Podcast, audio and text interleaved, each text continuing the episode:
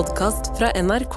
Jenny Skavlan er gründer, programleder, skuespiller og klesdesigner. Etter et en pizzareklame ga karrieren hennes rakettfart, har hun spilt i et titalls filmer og vært programleder for store TV-produksjoner. I dag er hun deleier i gjenbruksappen Tice og sykollektivet Fabric. Og hun er flere ganger kåra til Mote-Norges mektigste. Dette er Drivkraft med Vegard Larsen i NRK P2.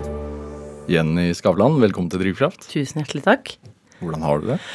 Jeg har det fint. Jeg er litt sånn, dette er det første eh, ordentlige jobbtingen jeg gjør, føler jeg, eh, etter nyttår. Så jeg må liksom starte Du sa det litt selv, du må liksom komme i gang, du òg. Jeg føler at vi er litt to i samme båt her. Rust deg. Kommer til å bli en forferdelig dårlig time. Ja, jeg vet det. Nei, jeg, jeg er litt nervøs, faktisk. Jeg, jeg er så drevet av å gjøre. Jeg tror det er liksom Ok, det er min drivkraft. Tusen takk, da går jeg. Neida. da. Men det å sitte og prate om det jeg gjør, Ja. eh, merker jeg at jeg egentlig prøver å unngå. Fordi Er ikke du ganske pratsom, da? Jo, men Jo, jeg har ikke problemer med å prate i det hele tatt, jeg. Men når det er noe som på en måte er eh, viktig Det er viktig for meg, eh, og jeg er så vant til å, å formidle gjennom andre Jeg føler at styrken min ikke nødvendigvis ligger i å snakke om det jeg driver med, men det ligger i å skape ting og lage løsninger og gi ting, eh, produkter og løsninger fremfor ord.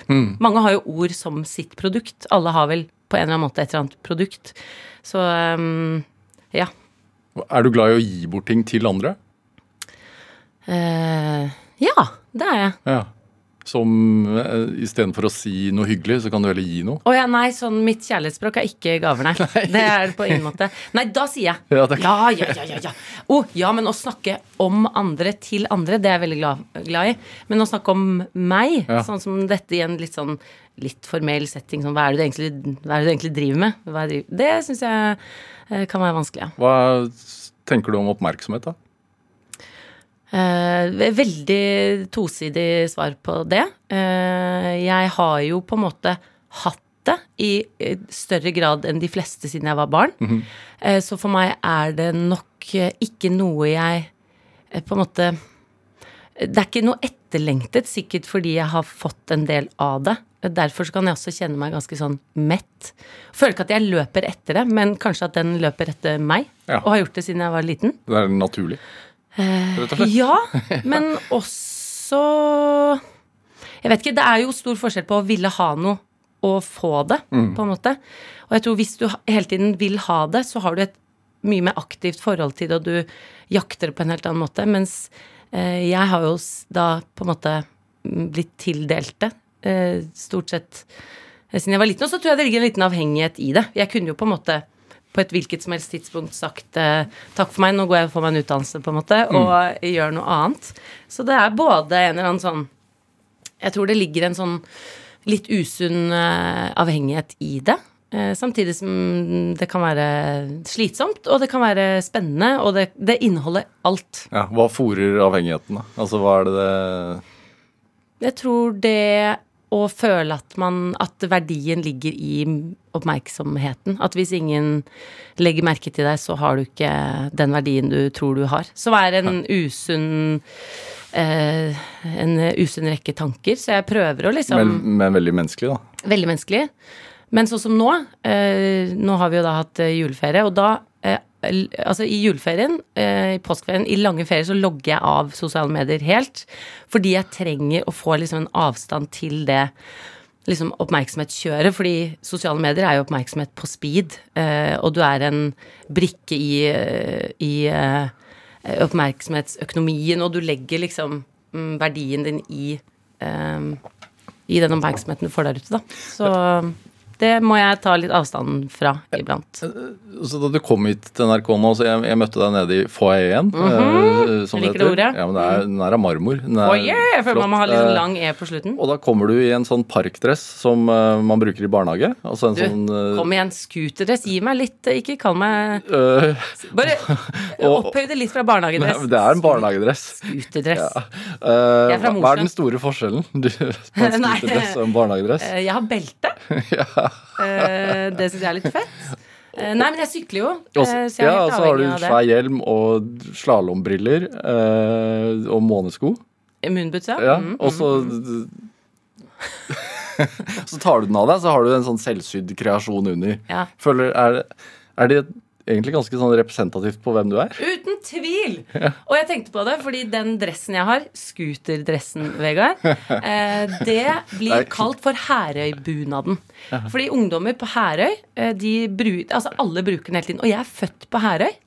Eh, Så jeg er født uh, i Nord-Norge. Jeg snakket nordnorsk når jeg kom til Oslo. Så jeg har på en måte den der no nordlandsjenta i meg. Men så flyttet jeg til vestkanten. Jeg bodde på Bygdøy, og så under denne scooterdressen har jeg jo da en selvsydd drakt. Ja. Drakt hører hjemme med foajé. Det er litt sånne fine ting. Uh, og jeg er jo en sucker for drakter. Jeg elsker at skjørt eller bukse og jakke matcher. Og det, det føler jeg har som en liten sånn homasj til vestkanten og oppveksten min der. Men så har jeg også en liten homasj til Herøy. Ja. Så jeg tror at antrekket mitt faktisk summerte eh, opp eh, mye av livet mitt. Hm. Hvem er du mest? Jeg er en skikkelig blanding. Eh, fordi jeg tror mange med drakt ikke sykler på vinteren. Nei, ikke når det er, ikke når det er, ikke når det er 11 Sibirkulde på vei. minus som føles som 18, sto det på jury i dag. Nei, det er det. Så jeg er jo på en måte det er sikkert mange som tenker automatisk at hvis, hvis du jobber med klær og mote, så er du jålete. Eh, Jeg ser ikke på meg som jålete et sted. Jeg er opptatt av estetikk, jeg er opptatt av tekstiler, jeg er opptatt av håndverk. Men jeg, men jeg identifiserer meg mer med kanskje håndverkere ja. enn eh, motefiff, da. på Ja, hva er forskjellen på å være jålete og være opptatt av det? Eh, nei, altså jeg er opptatt av å skape og lage og jobbe med hendene og gå inn i de prosessene hvor du lager noe med hendene. Det er på en måte min Der jeg har det aller, aller best. Men det jeg lager med hendene, er ikke uh, kjøkkenbenker og fuglekasser. Det er klær som jeg på en måte må ha på meg, og så er jeg jo drevet av eh, hvordan de klærne skal se ut til slutt. Um, ja. Er det viktig for deg å ikke fremstå jålete? Ja, det tror jeg nok også. Men jeg er nok liksom Jeg gjør meg ikke til Jeg er ikke mer jålete enn jeg skal ha det til. Eh, Men jeg vil ha eh, Jeg vil få gjort så mye som mulig, og jeg vil ha høyt tempo, som gjør at jeg må sykle istedenfor å ta buss og kjøre, for det går fortest med sykkel. Selv om det kanskje akkurat i dag er det minst tryggeste, så får du deg frem. Eh, og jeg vil ikke bruke tid på f.eks.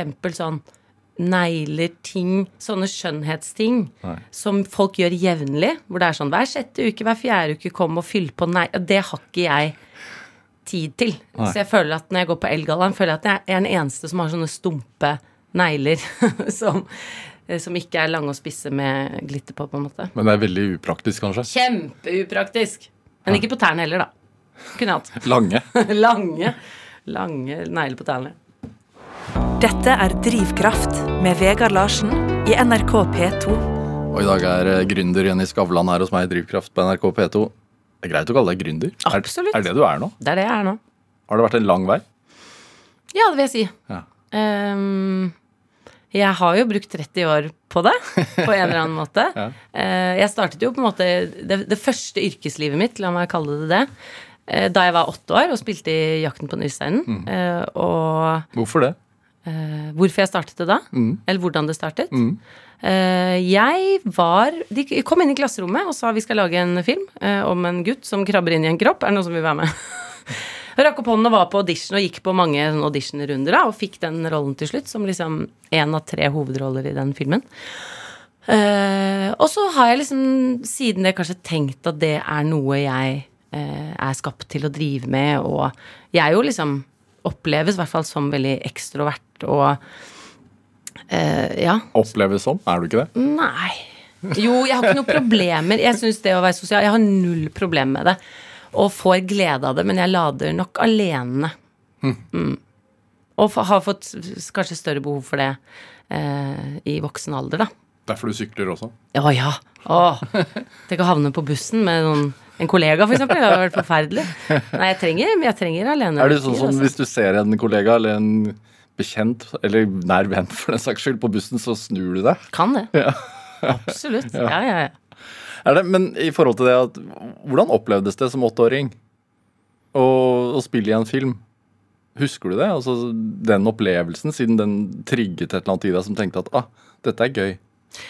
Um, ja, det var jo veldig absurd. Altså For det første var det en absurd film. Jeg spilte et blodlegeme inni en kropp. De hadde bygget De hadde bygget innsiden av en kropp i en hall på Slemmestad som jeg ble kjørt til hver eneste morgen i, i to måneder, på en måte. Så det er jo en absurd opplevelse i seg selv. Men, eh, men den derre eh, Men en stor film, da, og en veldig lest bok, altså 'Jakten på nyresteinen'. Ja, ja. Og det var premierer, og man reiste rundt på kinoer, og jeg var gjest hos Tande P, og liksom Det var jo Verden åpnet seg på en eller annen måte, og så fikk man en eller annen følelse av at flere enn de menneskene jeg har oversikt over, vet hvem jeg er. På en eller annen måte. Ble kjent igjen liksom av andre barn, og fikk fanbrev og liksom eh, Og så ble den på en måte verden åpne, så har jo den aldri lukket seg igjen, på en måte. Snakket dere om det hjemme? Eh, ja. Jeg tror morfar var sånn bekymret eh, rundt å skulle hive åtteåringen sin ut i det.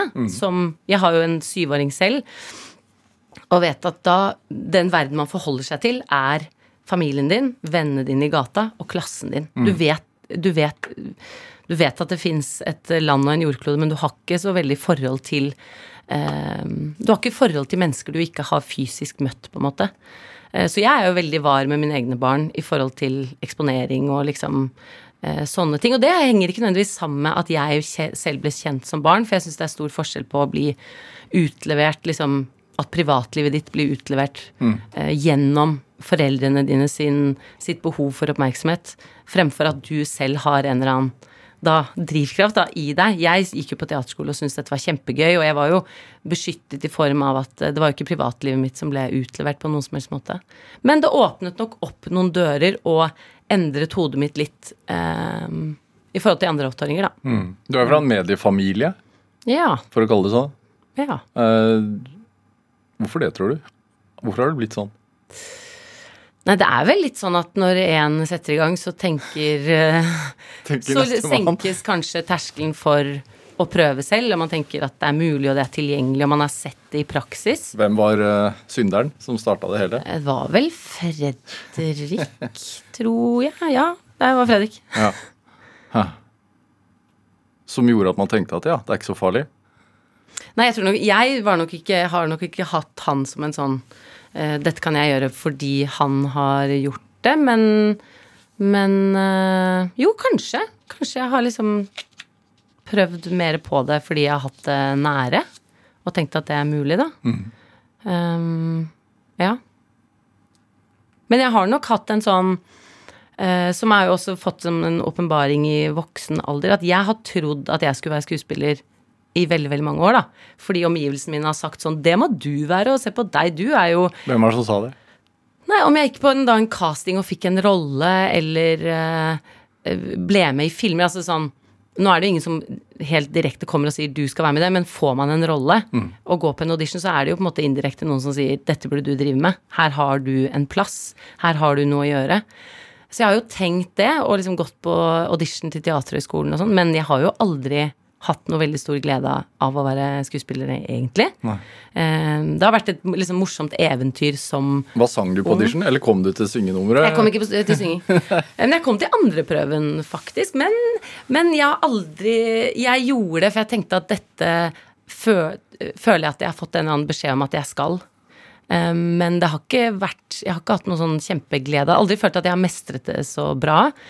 Jeg føler at jeg har fått tildelt roller som er meg, bare en liksom variant. Og det fikser jeg selvfølgelig. Og jeg er jo ikke redd. Jeg har få sperrer, på en måte. Mm, Jeg blir ikke flau, jeg gjør det jeg får beskjed om, og jeg sier det som står i manus, på en måte. Men jeg har ikke den eh, dyptgående interessen for å utvikle en karakter og Hvem er Gudrun? Hva driver Gudrun? Det har ikke jeg så stor interesse for, da. Nei. Så det er litt sånn av respekt for faget òg.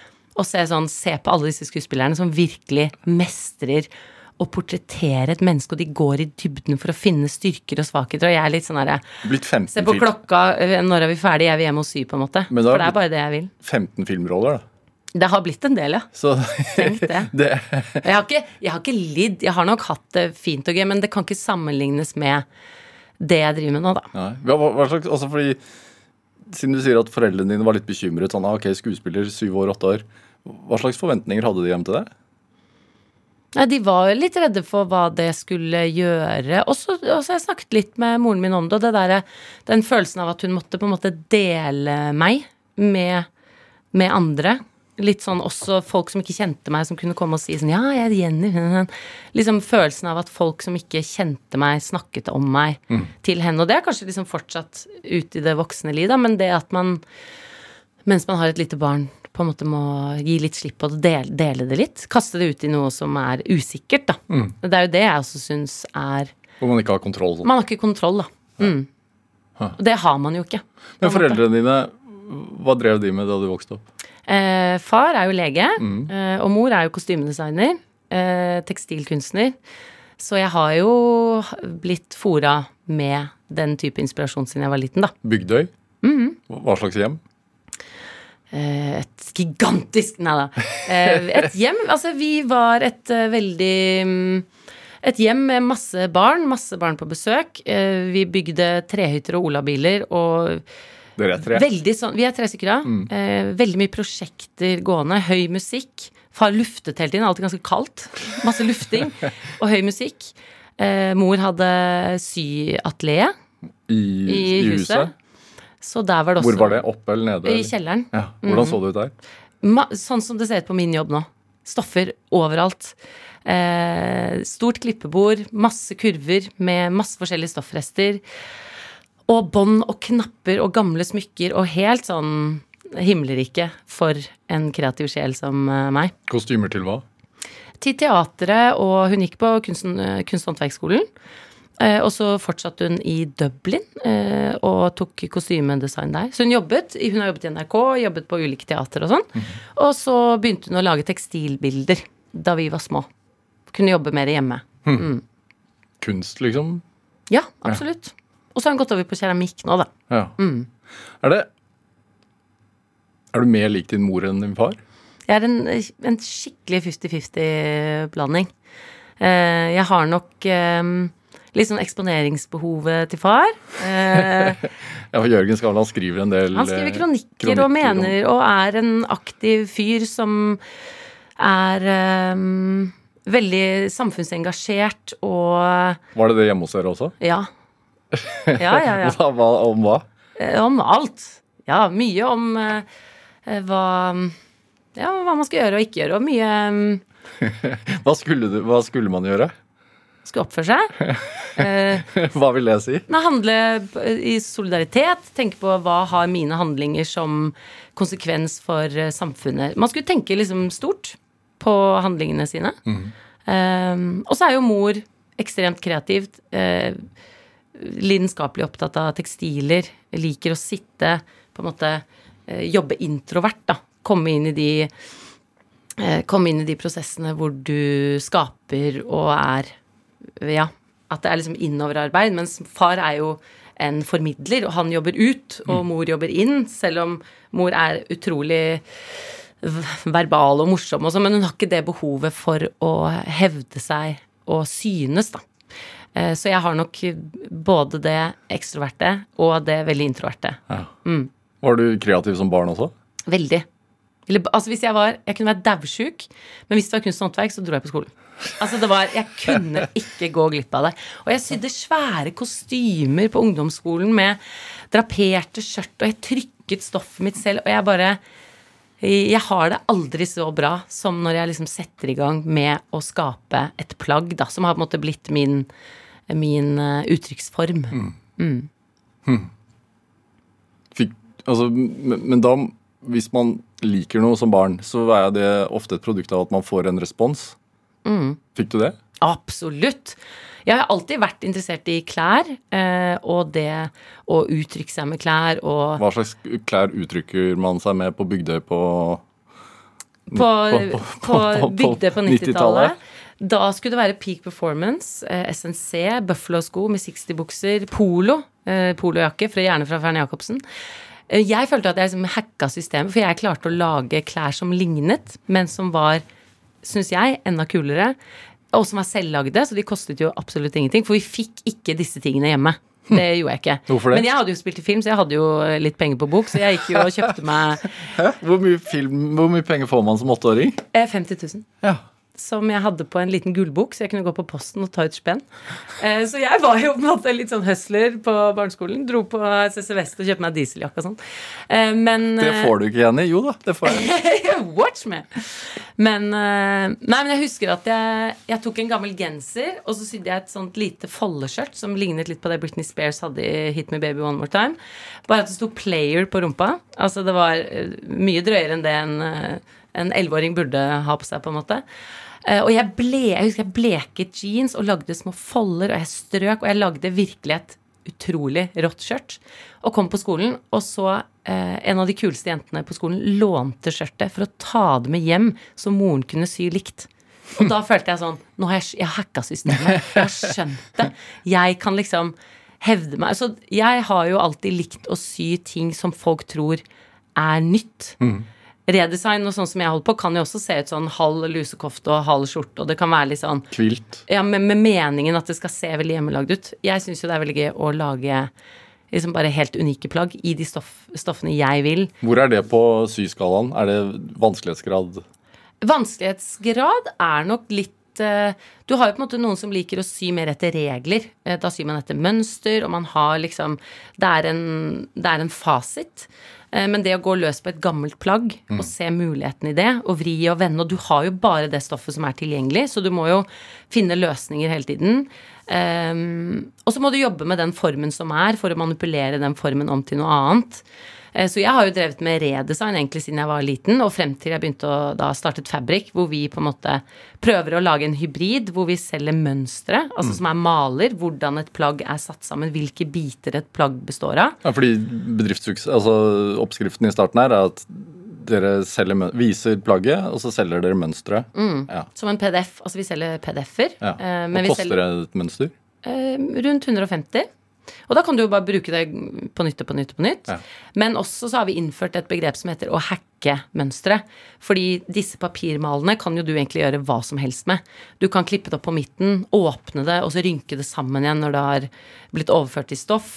Du kan forlenge, du kan forkorte. Du kan lage akkurat den lengden på ermene du vil. Du kan sette livet akkurat der, der du vil. Så liksom å gi folk liksom magien med å kunne manipulere klærne sine selv, men at du har et utgangspunkt som er veldig lett å forholde deg til, da. Og så kobler vi jo det med videoinnhold, sånn at du skal kunne se hvordan alle disse tingene gjøres. Eh, og så har vi nå de siste årene også begynt å da selge overskuddstekstiler fra klesindustrien. Fordi klesindustrien er jo en skikkelig klimaversting. Eh, klesindustrien står for 8% av de globale klimautslippene. Eh, jeg kan fortsette. Det produseres eh, 100 milliarder klesplagg hvert eneste år. Um, og 30% av dette blir aldri solgt. Det brennes. 60% lages i plast. Som gjør at en, en, av, eh, en tredjedel av all mikroplasten i havet kommer fra klesindustrien. klesindustrien. Um, Hvor mye klær har du selv? to Pax. Pax-rekker. Hvis du sier det nå. Ikke Pax. Ja. Og så har jeg et stort skap nede i kjelleren med liksom rare, kuraterte vintage-ting. Men jeg har ikke helt sånne sinnssyke mengder, altså. Nei. Jeg syr jo på en måte det meste. Jeg kjøper jo veldig lite. Men, eh, men eh, et, annet, et annet problem er jo overskuddstekstiler. Eh, og klesindustrien er jo skapt sånn at man gjerne først bestiller stoffet, og så lager man et design. Og hvis ingen kjøper inn det designet, så sitter du med masse stoff. Og klesmerkene går jo ikke ut og sier sånn Du, vi har 7000 meter med stoff. Vi får, ingen vil høre om ting som ikke blir brukt, på en måte. Men da har vi satt dette i system, så syre, folk som vil skape klær selv, kan kjøpe da stoffer eh, som er til overs fra klesproduksjon, sammen med mønster. Hvordan har du fått tak i det, da? Eh, det er å øh, ringe rundt og høsle, da. Du må jo komme Du må jo ta kontakt og spørre og liksom Ja. Så det er en stor jobb, det, altså. Ja. Men nå begynner det å liksom løsne. Hva er det mest eksklusive stoffet dere har fått tak i? Å, vi selger altså eh, ull og lin fra Krivivev, som er et eh, veveri på, eh, i Norge. Så dette er liksom vevd i Norge, og det er liksom det er ordentlig eksklusive eh, linekvaliteter. Og så selger vi også norsk ull. Altså norsk lammeull som er overskudd fra et merke som heter ESP Oslo. Så vi prøver å liksom også formidle sånn fiberentusiasme. Jeg er jo enormt fiberinteressert. Hva, er det? Nei, altså, alle klær er jo laget av et fiber. Ja. Eh, og nå som 60% av alle klær lages av plast, men folk klarer liksom ikke se at det er plast, og det skjønner jeg, for polyester er et fantastisk fiber i forhold til at det kan manipuleres til å se ut som ull, til å se ut som silke. Så folk tror de har på seg ull når de har på seg 100% plast. Folk tror de går med en silkekjole når de har på seg 100% plast. Det er olje de har på seg. Og det skjønner jeg er vanskelig å forstå, fordi det ligner veldig. Eh, Så det å få folk til å liksom oppdage fordelene med naturfiber, sjekke lappen og liksom når vi så denne hvalen med plast i magen, så var alle sånn Nei takk til sugerør. Eh, Nei takk til kopp. Jeg har med egen. Men plast fra topp til tå. Så det å på en måte få folk til å skjønne at klær er i de aller fleste tilfeller også plast. Men også hvor eh, Så krever det jo mye å lage naturfiber, så hvis man kjøper Det beste er jo kjøp brukt og kjøp naturfiber. Da har man liksom ikke eh, bidratt til mer produksjon, men man kan også ha fordelene av eh, naturfiber på kroppen. Jenny Skavlan, vi skal spille litt musikk. Ja! Du har med Ja. Alicia Keys' 'Girl on Fire'. Ja, det har jeg. Det var jeg merket når du startet den politiske ranten her nå, så Da var jeg on fire. On fire. Å, yes, oh, godt jeg fortsatt har det. Hvorfor den låten? Nei, jeg syns altså den låten er så morsom. Eh, den representerer på en måte et, et skille i livet mitt. Fordi jeg har jo alltid Jeg tror jeg alltid har blitt oppfattet som veldig sånn gira. Eh, at jeg har liksom eh, Ja, at jeg er jeg har høy kapasitet og er jo Jeg blir jo jeg, jeg er jo en entusiastisk person, på en måte. Men det har jo dalt litt. Eh, og denne sangen, Alicia Keys med Girl on, 'This Girl Is On Fire', den kunne jeg høre på i 20-årene og tenke sånn Ja. Jeg kunne relatere meg til teksten. Jeg tenkte sånn Jeg er så on fire. Og jeg kunne gå på gaten. Og da hadde jeg på en måte jeg levde jo et helt annet liv. Nå, nå sykler jeg på jobben klokken ni, prøver å komme meg hjem til å hente i barnehagen, lage middag. Jeg har jo en kontorjobb, selv om jeg har en eksponert jobb og jeg kan dukke opp på en galla her og der, så har jo jeg en kontorjobb. Det er plikter, det er budsjetter vi skal nå, det er ansatte. Det er jo på en måte et helt annet kjør enn det jeg hadde i 20-årene, på en måte. Og så har jeg to barn, og det er mye forpliktelser, og det er mye ansvar og sånn.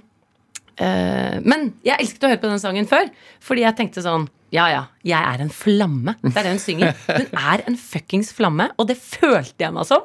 Og jeg var litt sånn sky's the limit. Kanskje jeg skal dra til USA og bli skuespiller der. Altså Jeg virkelig tenkte at alt er mulig. Og så skulle jeg gire meg litt opp for en eller annen jobb for et års tid siden. Og så tenkte jeg sånn Den sangen funket før.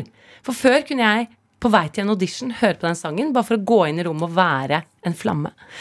Og så tenkte jeg jeg skal høre på den sangen. Eh, og så funket den ikke. Fordi jeg føler meg ikke som en flamme lenger. Jeg vil bare ha en sang som ikke sier sånn This girl is on fire. Eh, jeg vil bare ha en sang som er sånn She's awake. She's walking. She had breakfast. She's, uh, she's ok. Jeg vil ha en litt sånn nedpå, realistisk sang. Hva er grunnen til dette? Er det barn, småbarnsliv, voksenliv? Ansvar, kanskje litt sånn metthet på oppmerksomhet også. En eller annen sånn derre Jeg vet ikke. Men det 30, funker 37 ikke. år og mett. Jeg er ikke mett. Jeg har holdt på i 30 år, da. Det er jo ganske sykt å være 37 år og ha 30-årsjubileum i rampelyset. Men uansett, den funker ikke lenger. Så la oss høre på den. She's just a girl and she's on fire. Hotter than a fantasy, lonely like a highway. She's living Filled with catastrophe, but she knows she can fly away. Oh,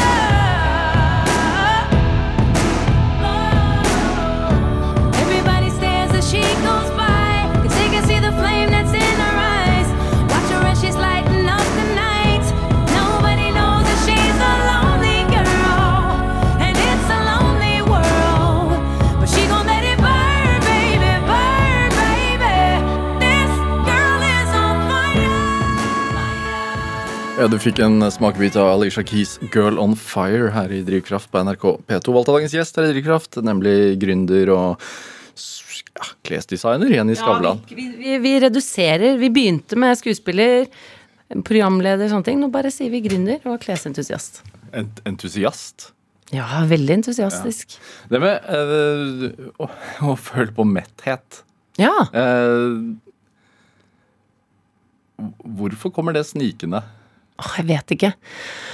Eh, Men jeg tror jo at alt har sin, eh, sitt metningspunkt. Eh, Og så har jo jeg da på en måte kjent på denne liksom om, oss, oppmerksomheten, da. Eller den derre Det å på en måte stå der fremme og vise seg frem, og vise, altså, ha liksom den oppmerksomheten som er ganske sånn Som kommer fra veldig mange samtidig. Som man opplever når man er på TV og bruker sosiale medier på den måten og sånn. Fordi har det, har det vært et Altså, det Ditt Vi snakker jo om Jakten på Nystein, men, men ditt offentlige gjennombrudd i voksen alder kom jo pga. Grandiosa-reklame. Ja, Uh, ja, men det gjorde jo det. ja absolutt. Det er ikke noe det er ikke til å legge skjul på. Nei, hvorfor skulle vi det? Um, og utrop da til It-girl, og dette var jo en annen tid. Helt annen tid. Hadde man spilt i en reklamefilm i dag, så hadde man ikke fått mye oppmerksomhet, Nei, nei. kanskje. Men, men det var jo også starten på mye. Mm. Uh, men, men i forhold til at programmet vårt heter Drivkraft, var det da også rampelyset eh, Skuespillbiten var én side, men det var også TV-program Mm. og sosiale medier, og det var mye greier. Mm. Eh, Dette var faktisk før sosiale medier, da jeg hadde mitt gjennombrudd, på en ja. måte. Mannebladet Alfa. Ja, det var ja, mye greier. Det var få unge jenter i offentligheten. Nå er det jo ekstremt mange. Fordi folk kan jo bli kjente helt på egen hånd. Man kan sitte på jenterommet sitt, og man kan være så lenge man er over 13, som jeg tror er aldersgrensen på Instagram og TikTok og sånn, så kan man jo på en måte bli kjent. Eh, Men da jeg ble, var med i denne Grandiosa-reklamen og sånn, så fantes det noen unge kjente folk, og de hadde vært med på Idol. Mm. Men resten av de offentlige menneskene var da skuespillere, så de hadde gått på Teaterhøgskolen, de var godt opp i 20-årene. Det var liksom ingen veldig unge jenter i offentligheten. Så det var litt sånn mangelvare, og da var det litt sånn Vi tar hun her. Ehm, og så Det var jo ikke da det var jo ikke dritmange om beinet i forhold til å få den oppmerksomheten. Og det var kanskje veldig mange unge mennesker som syntes det var spennende at det kom noen inn i offentligheten eh, som var 20, eh, på en måte. Og så, ja. Og så kom liksom filmroller og sånne ting. Og det var jo spennende. Det var kjempespennende. Store TV-produksjoner, altså Ja, Grand Prix Grand Prix og og Spellemannsprisen. Som er altså, noe av det største man kan gjøre som programleder på TV. Ja, og det jeg husker best, var jo å få være med og å lage klærne. og jeg har jo på en måte, da jeg var på de første filmene jeg var med i, som het Død snø og Fatso, så sydde jeg jo mine egne klær til premieren. Jeg har jo alltid liksom gått tilbake til det og sittet og gledet meg til premieren fordi jeg gledet meg til å vise frem den kjolen jeg hadde sydd, på en måte. Eh, og så tror jeg at det har vært det at jeg også har hatt noe som er på en måte introvert arbeid, som ikke handler om å si noe utover. Jeg tror jeg har liksom vært litt sånn redningen min også, oppi det hele. Men holdt du det litt hemmelig? Fordi jeg husker jo da, du, da det begynte å bli skrevet om at du eh, Jenny Skavlan syr. Så i hvert fall for meg så var det en overraskelse. Så tenkte Ja. jeg, ah, ja, syr hun også nå? Ja, fælt, da. Ja. men har det, har det vært litt hemmelig? Altså Er det noe du har holdt på med? Nei, det har ikke vært hemmelig på noen måte. Jeg tror det har vært litt sånn Jeg tror at jeg har nok på en måte Det er nok Det er det jeg har det best med. Mm. Det er det jeg blir ikke lei. Jeg, det bare jeg lærer mer og mer om både klesindustrien, om fiber, om resirkuleringsordninger, hvordan vi i 2025 skal ha et avfallssystem for tekstiler. Jeg bare interessert, det er bare Denne verden bare åpner seg og åpner seg og åpner seg. Og hver gang en dør åpner seg, så er det et nytt problem der inne, for vi har ikke snakket om klær og klima sammen eh, før de siste fem årene, kanskje. Så det at på en måte min lidenskap også er koblet opp til et ganske stort samfunnsproblem, som vi nå begynner å snakke mye mer om, på en måte, det er jo også på en måte en heldig ting i forhold til at det å kunne da eh, jobbe med det jeg faktisk eh, syns er aller morsomst å drive med. Hvis man bare isolerer selve sybiten og det å skape et plagg og konstruere et plagg, men så er det på en måte satt inn i et system som gjør at jeg også kan leve av det, eh, kommunisere det, gi disse løsningene til andre, da. Um, Men var det en sånn revurder... Altså en- at du måtte bestemme deg for at nå, skal, nå vil jeg gjøre det jeg faktisk liker? Mm, Ja, det har nok vært først litt sånn gradvis, og så merket jeg Jeg designet jo noen kolleksjoner for Bik Bok lenge før vi snakket om at fast fashion ikke var bra, på en måte. Um, og det var liksom det største. Det syntes jeg var helt sinnssykt fett. Det å få lov å designe en kolleksjon. Og jeg skulle jo søke på uh, klesdesign eh, da på en måte filmrollene kom og tok meg. Så jeg har nok egentlig alltid prøvd å gå i den retningen, men så har verden rundt meg dratt meg tilbake og sagt sånn Nei, nei, nei, du skal ikke bort til de klesgreiene. Du skal være her, du, og spille i denne, og du skal være med på dette. Og det er gøy? Og man er Og ja, jeg har jo og- selvfølgelig gøy. Jeg har jo ikke vært motvillig på noen som helst måte, men jeg har, jeg har det best. Jeg syns det er morsomst. Jeg, jeg, jeg, er litt sånn utømmelig når det kommer til å jobbe med klær og gjenbruk. Men når det kommer til disse andre ting, så blir jeg liksom trøtt og ferdig fort, og er vi snart ferdig og ser på klokka, liksom. Men det at jeg på en måte har brukt Jeg hadde jo aldri klart å skape disse selskapene uten den andre oppmerksomheten som kommer fra TV og film og sånne ting. Så jeg har jo vært helt avhengig av et løp. Når ble du bevisst det? At det var en Ja, det var når jeg begynte å bruke sosiale medier selv. Ja. Fordi i starten var det jo ikke sosiale medier, og så kom Twitter, og så heiv jeg meg på det. Og så fikk jeg masse følgere på Twitter, og så startet jeg TV-program om Twitter. Altså, det, sånn, jeg har jo, Karrieren min har jo vært ganske Suksessen tweet for tweet. Ja, suksessen tweet for tweet. Eh, men karrieren min har jo også vært formet av hvilke sosiale medier som har inntruffet, da. Mm. Fordi jeg har syns det har vært Det handler kanskje litt om kontroll òg, for når du er skuespiller og programleder, så er du avhengig av at noen skal gi deg en jobb. Du er avhengig av at en regissør velger deg, du er avhengig av at en TV-kanal vil ha deg på skjermen sin. Har du vært strategisk? Jeg tror jeg har vært Ja, det har jeg vært. Ja. Absolutt. Og jeg har alltid villet vise at jeg kan noe annet. Og jeg tror nok mål der vi er nå, hvor jeg er min egen sjef, jeg er helt ansvarlig for min egen karriere. Ingen kan si sånn 'Dette får ikke du være med på'. Ut. Altså, jeg er Jeg har skapt på en måte en arbeidsplass. eh, Hvor jeg ikke er økonomisk avhengig av å få prosjekter fra noen andre. Jeg er ikke økonomisk avhengig av å gjøre kommersielle samarbeid i sosiale medier. Jeg kan gå på en jobb hvor jeg kan gjøre det jeg elsker å gjøre, sammen med kollegaer som elsker det samme.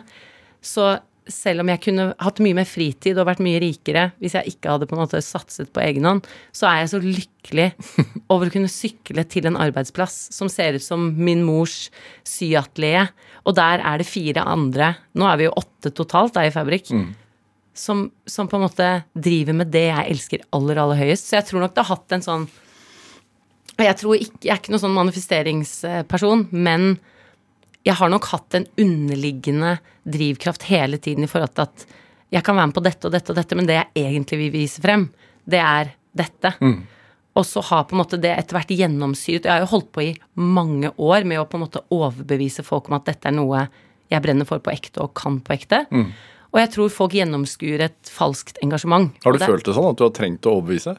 Ja, det har jeg nok. Hæ, hvorfor det? På hvilken måte? Fordi jeg ble ikke kjent for klær. Nei. Jeg ble kjent for andre ting. Og jeg har, jeg har gått på skole i København og lært meg konstruksjon, men jeg har ikke en bachelorgrad eller mastergrad. Og jeg har enorm respekt for de som har tatt den utdannelsen. Så det å på en måte Har du følt- sakte, men sikkert få den Nå vet jeg ikke om jeg har den respekten blant de som har Mest sannsynlig ikke, på en måte, men jeg har i hvert fall en enorm kjærlighet og lidenskap for faget. Og jeg og når man sier sånn bruk 10 000 timer på noe, bli god' Jeg har brukt så mye mer enn 10 000 timer på å lære meg å sy, på en måte. Helt på egen hånd, da. Eh, Og lært Fikk startskudd av mor, men Men um, Følte at du måtte bevise? Uh, ja. Ennå? Uh, ja, men nå har jeg på en måte lagd en arbeidsplass og en karriere som på en måte jeg ikke føler konkurrerer med de som har tatt en utdannelse, på en måte. Jeg produserer jo ingen klær.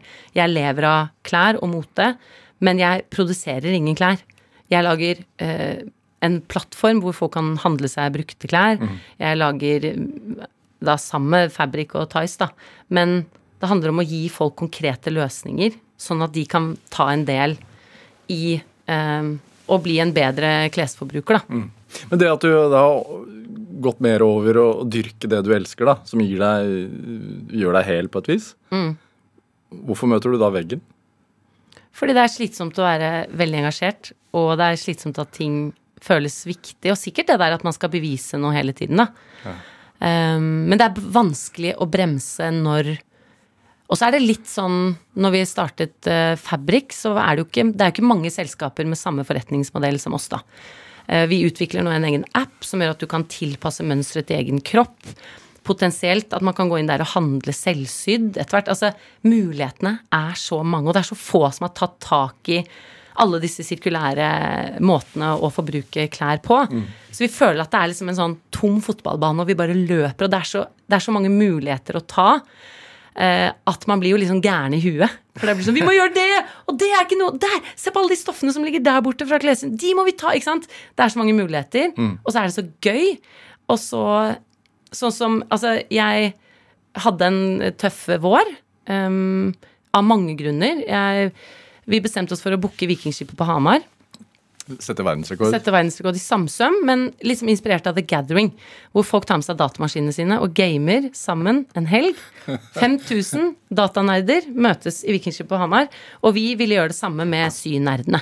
Fordi det er mye av det samme. Vi sitter hjemme med en maskin, og vi nerder skikkelig, liksom. Og vi elsker å snakke om det, men vi møtes aldri. Sov de under pultene og Nei, det, det er kanskje til neste år. Um, men vi Og jeg liker å gjøre ting som ikke har blitt gjort før.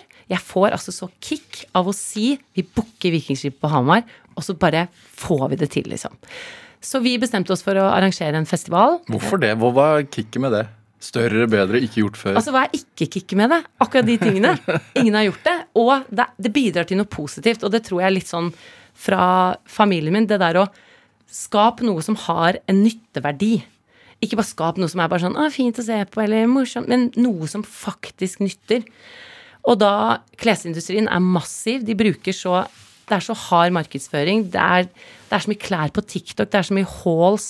Det er pakket inn på en så utrolig innbydende måte når det egentlig bare er masseprodusert plast, på en måte.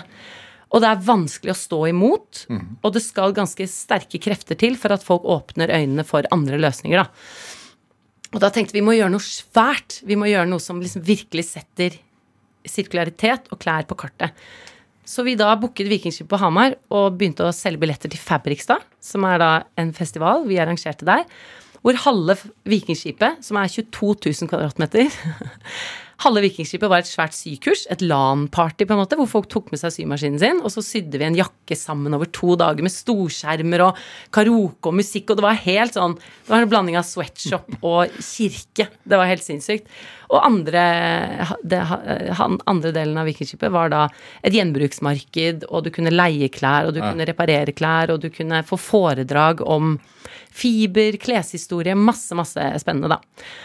Og det får jeg jo helt sykt kick av. Tanken på å kunne vise 8000 mennesker disse løsningene på en inspirerende, morsom, ikke belærende måte. Det er jo det jeg drives av. Det er å kunne, kunne på en måte gi folk et alternativ, men hvor de ikke føler at det koster Det er kanskje enda morsommere og enda bedre. Klærne sitter bedre, de føles bedre. Det er ikke jorda som må betale prisen for at du skal ha det gøy med klær, på en måte. Men likevel så Men var det det som gjorde at du Det var en kombinasjon. Ja. Eh, Jeg har aldri solgt en billett i hele mitt liv. Men det å si sånn Vi må selge disse billettene, hvis ikke så går vi konk, liksom. Hele selskapet vårt er hasta la vista hvis ikke vi selger billetter. Og jeg, had- jeg følte et sånt ansvar for alle som skulle komme, for alle som De 100 utstillerne som skulle ha med seg sine bruktbutikker. Og dette er små aktører som kjemper en kamp for å drive bruktbutikker, liksom. De skulle komme til Hamar, bruke helgen sin i Hamar fordi jeg har sagt, eller vi har sagt, at dette kommer til å bli fantastisk. Mm. Det var så mange usikkerhetsmomenter. Hvordan høres 800 symaskiner ut i Vikingskipet? Det kunne vi ikke teste. Det kunne være at det var en forferdelig lyd som gjorde at hele festivalen var ødelagt. Men jeg tror jeg kjente på liksom jeg, jeg ville det så sterkt og så hardt, og så kjente jeg rett og slett på å miste kontrollen. Dette kunne ikke jeg kontrollere. Jeg kjente på ekte prestasjonsangst. Eh, Det, det begrepet har aldri liksom gitt mening før nå. Eh, Samtidig som jeg har hatt et år med mm, masse ting på privaten, og det har vært liksom Det har vært eh, sykdom i veldig nære relasjoner og masse, masse ting som har vært eh, utfordrende. Og så har jeg nok på en måte flyktet litt til jobben og prosjektene, fordi der har ting føltes overkommelig og eh, lettere. Og så tror jeg at den kombinasjonen ikke lot seg helt kombinere. Er det et øyeblikk? Altså, Absolutt. ja. Altså, er, altså, merker man det selv? Sånn nå Ja, jeg, jeg kjørte meg veldig hardt eh, på våren og hadde mye sånn fysiske symptomer og var veldig, veldig sliten og hadde veldig mye vondt, rett og slett. Og så tok jeg et lang sommerferie, fire uker, logget av sosiale medier, mediterte hver dag. For jeg skjønte innerst inne at nå er du så på randen, liksom, at nå må det ekstreme ting til. Og så visste jeg at idet jeg kom tilbake på jobb, så var det fire uker til Fabrikstad. Min første eneste. Altså, Men hvor var så, men så kom jeg til, den dagen jeg kom tilbake på jobb, trodde jeg var uthvilt. Så bare sa kroppen Den sa ikke stopp, men den sa nå må du kraftig, kraftig, kraftig roe ned. Hvordan da merker man det? Jeg bare stivnet. Jeg fikk Nakken stoppet opp. eh, Jeg skalv. Jeg fikk kjempevondt i hodet. Jeg hadde vondt i hodet i tre dager i strekk. Hodet vil, men kroppen sier nei, liksom. Ja. Kroppen sier nei, men på en måte ho inni hodet så var jeg, følte jeg at jeg hadde en viss oversikt, men kroppen bare sa du må liksom virkelig trekke deg tilbake. Hvor utfordrende er det da å når man blir frisk igjen, da, og ikke gå inn i samme mønster? Mm, nei, jeg, passer jo veldig Jeg har ikke noen garantier for å ikke Men, men um, Jeg har aldri tenkt Jeg har alltid sett på meg selv som veldig robust. Og jeg har tenkt at hodet og kroppen min på en måte ikke henger sammen. Jeg har sett på kroppen som bare en sånn maskineri som bærer rundt på hodet mitt, på en måte. Ja. Men eh, da egentlig Vi fikk jo gjennomført denne festivalen med brask og bram, og det gikk kjempebra. Men hele da høsten har jeg hatt Uh, har jeg, Det er som at jeg har transplantert kroppen til en veldig følsom person. For jeg har hatt så mye hjertebank, og jeg har hatt så mye sug i magen. Jeg har hatt så mye sånn skjelvinger og sånn i kroppen som jeg aldri har opplevd før. Uh, og det syns jeg er liksom en verdifull erfaring å skjønne at kroppen sier fra når hodet pusher det for langt. Ja. Og nå får jeg jo signaler fra kroppen som jeg ikke Kanskje jeg har fått de før, men jeg har, fortsatt, jeg har ikke lagt merke til de før. da Og da starter man fysisk butikk, si. ja, ja, ja, det skal vi nå. Ja. men nå syns jeg at liksom Nå har jeg lært mer om hvordan kroppen min reagerer på disse tingene. Og så har jeg skjønt at jeg kan ikke kontrollere alt. Jeg har i perioder prøvd å ha kontroll på alt, Er det? og da blir jeg gæren. Ja, nå skal vi åpne Fabric skal åpne fysisk butikk i Men- Oslobukta. Ja. Men er det en sånn, også en sånn første følelsen av at man, ja, man er faktisk dødelig? Ja, Det er jeg aldri tvilt på. Jo, kanskje da jeg hørte på Girl on Fire. Ja. Den perioden der Men jeg har nok følt meg ganske dødelig de siste ti årene, altså. Ja. Har hatt noen runder Men gjør det noe med perspektiv og mål og eh, eh, Ja, det gjør noe med ehm, At jeg også på en måte er mer på jakt Ikke nødvendigvis etter en exit-mulighet, men jeg er alltid Jeg er liksom orientert rundt at det å også bygge disse Være med å bygge disse selskapene og investere all tiden min i å liksom lage noe som er bærekraftig, ikke bare miljømessig, men også økonomisk, og noe som gjør at jeg ikke nødvendigvis må stå der i front til, i ti år til, på en måte. Men at jeg er litt sånn taktisk i forhold til at jeg skaper ting som ikke heter mitt navn, og som gjør at jeg også kan eh, ha en jobb i kulissene når det føles riktig, på en måte. Hvor viktig har det vært at du har, i forhold til Fabric, fordi din medieposisjon kontra dine kolleger der eh, Du hadde en annen posisjon enn de. Men det, for meg så fremstår det sånn at du har vært veldig på å pushe resten av den gjengen Ja, det eh, gagner jo bare. Det er jo for Fabrics eh, beste. Og magien i å være en gjeng. Ja. Altså, det trumfer enhver medieposisjon. Det å stå alene og ha en medieposisjon det er altså så, så utsatt man er, så skummelt det er. I en kultur nå hvor du kan si én ting feil, og så er du gone. Ja. Men det å være en gjeng altså bare, Jeg har jo jobbet for meg selv i årevis, liksom. Og det har vært mine prosjekter og mine kolleksjoner og eh, liksom jeg, Nå skal jeg Nå har jeg kontrakt med den kanalen og den kanalen. Og liksom Oppturene er ikke så morsomme. Nedturene er helt jævlige. Men det å være Altså, jeg får ikke sagt det nok. Altså, det å være en gjeng med samme lidenskap, samme interesse.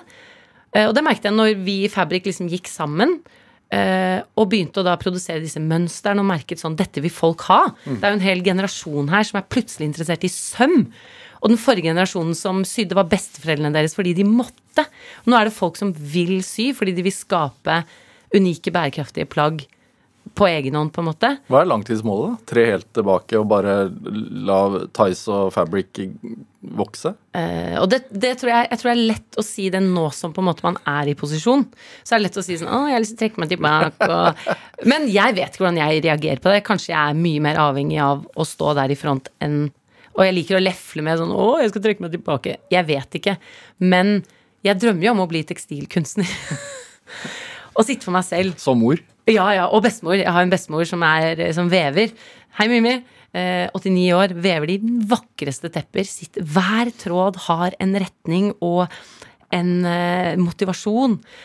Eh, og ja, så det er på en måte min skjebne. Hvorfor er hun et forbilde? For hun er ufattelig kreativ og engasjert og morsom og opptatt av hvordan verden fungerer. Um, ja. Så jeg er nok liksom Det er målet, ja. Men det kan være at det er veldig veldig, veldig lenge til. Altså. Men jeg syns det, sånn i forhold til medieposisjon, da For, for meg så er ikke Jeg skjønner at det er en fordel inn i disse selskapene. Og Tice trengte på en måte det pushet jeg har i form av å være synlig, da. For å få oppmerksomhet rundt disse øh, Om det er app eller, eller Fabrik, da. Men um, For det var ganske hårete da Tice ble lansert, fordi Finn eksisterte ja, jo i det hele tatt? Ja, Finn og Spock og Letgo. Det kom masse sånne rubrikkannonseplattformer samtidig. Mm. For her skjønte man at dette er jo et kjempemarked, og gjenbruksmarkedet generelt Hva er er jo hemmeligheten? Tror du at det ble en suksess? Det er språket, at man snakker riktig språk til riktig målgruppe. Hva er det? Eh, nei, altså, det kom jo da to karer til meg, som heter Eirik og Aksel, som hadde eh, gått på NTNU og funnet ut at de ville lage en slags Finn for klær. Eh, men de visste ingenting om gjenbruksmarkedet. De hadde ikke noe personlig lidenskap for klær, men de hadde på en måte markedsforståelsen, og de visste at dette var et produkt som Kan du teknologi? Ja. Ja. Jeg er litt eh, Jeg er jo mer glad i det analoge, på en måte. Men sånn som Fabrik sin motivasjon er å ta et eldgammelt håndverk med inn i fremtiden. Og da vil vi bruke liksom teknologi og nye løsninger som gjør at det føles moderne å sy. Du skal gå inn i en app, tilpasse et mønster, gå inn på en video, se hvordan du syr det. Det skal føles nytt og moderne, da. Selv om det er et eldgammelt håndverk, og det er veldig fysisk, da. Men øh, Nei, så de trengte en som meg, da. Som på en måte hadde mer den markedsforståelsen og, øh, og var glad i å kommunisere og engasjere, da. Så vi fant på en måte et språk. Eh, Hvordan skal man snakke om gjenbruk? Skal vi være belærende? Skal vi være korrekte? Eller skal vi være litt rampete og litt ufine? Skal vi ha et veldig feminint uttrykk? Eller skal vi ha et litt røff? Og det handler om å liksom klare å treffe en tone. Hva var svaret? Hva ble tonen? den ble ganske morsom og litt rå.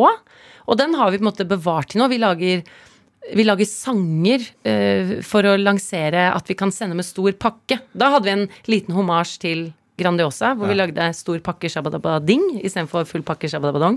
Så det handler om å være overras overraske. Ja. Fordi sosiale medier det, altså det er jo så mye gjentagende greier. Og jeg sier ikke at ikke det jeg lager er gjentagende, men hvis du klarer å lage noe som folk virkelig som går av huset og bare 'Herregud, har du sett denne filmen? Det er så lættis!'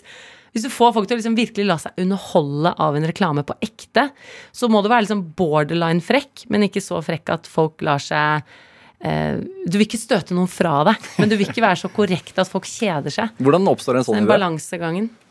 Du må være liksom på hugget, da. Og det tror jeg er sånn intuisjon. Sånn vi, jeg og vi i Fabrik lagde en parodi på Kim Kardashian sin brystvortereklame. Eh, For Kim Kardashian lanserte da en BH med innebygd brystvorte. Og den filmen gikk viralt. Fordi det var så tullete. Og hun snakket om klimaendringer. Og vi som på en måte kan sy på en knapp på en eh, BH, vi må jo lage en parodi på den reklamen. Og den gikk viralt, på en måte. Så det handler om å følge med hele tiden. Og være relevant. Og være akkurat passe nok frekk til at folk syns det er morsomt å vise den til noen andre uten at den andre sier sånn 'hæ, den kan du ikke le av'. Eh, så det er en balansegang der, ja. Mm. Er det, er det litt deg også? Sånn akkurat passe frekk? Ja, ja. Ja. På helt borderline. Men altså da relevant fysisk butikk 2024, det er jo Er ikke det gammeldags, da? Jo, men vi jobber jo med klær og tekstiler, og folk burde kunne kjenne på det og ta på det prøve størrelsene våre, møte oss. Vi skal ha syeventer. Så vi skal lage Det skal være litt et sånn forskningslaboratorie. Vi skal teste ut nye former for å selge vintage, redesign. Ja. Vi har masse planer som vi har lyst til å teste. Og da skal vi bruke butikken vår i Oslobukta også til det, da. Helt til slutt, Jenny Skavlan, hva er drivkraften din? Åh, hva er drivkraften min? Det er å skape det er å skape engasjerende løsninger med en faktisk nytteverdi der ute, og så se resultater. Se at folk begynner å endre atferdsmønster. Ikke fordi de føler at de må, men fordi de selv har lyst, og de syns det er gøy. Og hvilken følelse gir det deg? Å, jeg blir så glad og gira, og nå gleder jeg meg til å dra på jobb. Jenny Skavlan, tusen takk for at du kom til Drivkraft. Tusen takk for meg. Hør flere samtaler i Drivkraft på nrk.no, eller i appen NRK Radio. Send oss ris eller ros, og også tips til mennesker som du mener har drivkraft. Send den e-posten til drivkraftkrøllalfa.nrk.no. Vi hører veldig gjerne fra deg. Produsent i dag det var Kjartan Aarsand, mens eh, Anne Hoff bidro med research til denne sendingen. Dette var Drivkraft. Jeg heter Vega Larsen. Du har hørt en podkast fra NRK. Hør alle episodene kun i appen NRK Radio. En podkast fra NRK. Denne historien handler om pianisten og komponisten Maria Kandegård. Om musikken hennes, om livet hennes og om hjernen hennes. Plutselig så skjedde det et eller annet. Det var akkurat som at ingenting eksisterte. Hun var det enestående musikalske talentet som bare forsvant da hun var tidlig i 20-åra. Jeg tenkte at hele verden, at det var egentlig bare en drøm. Så jeg var en person i den drømmen. Men det var ikke min drøm. Hør pianisten i appen NRK Radio.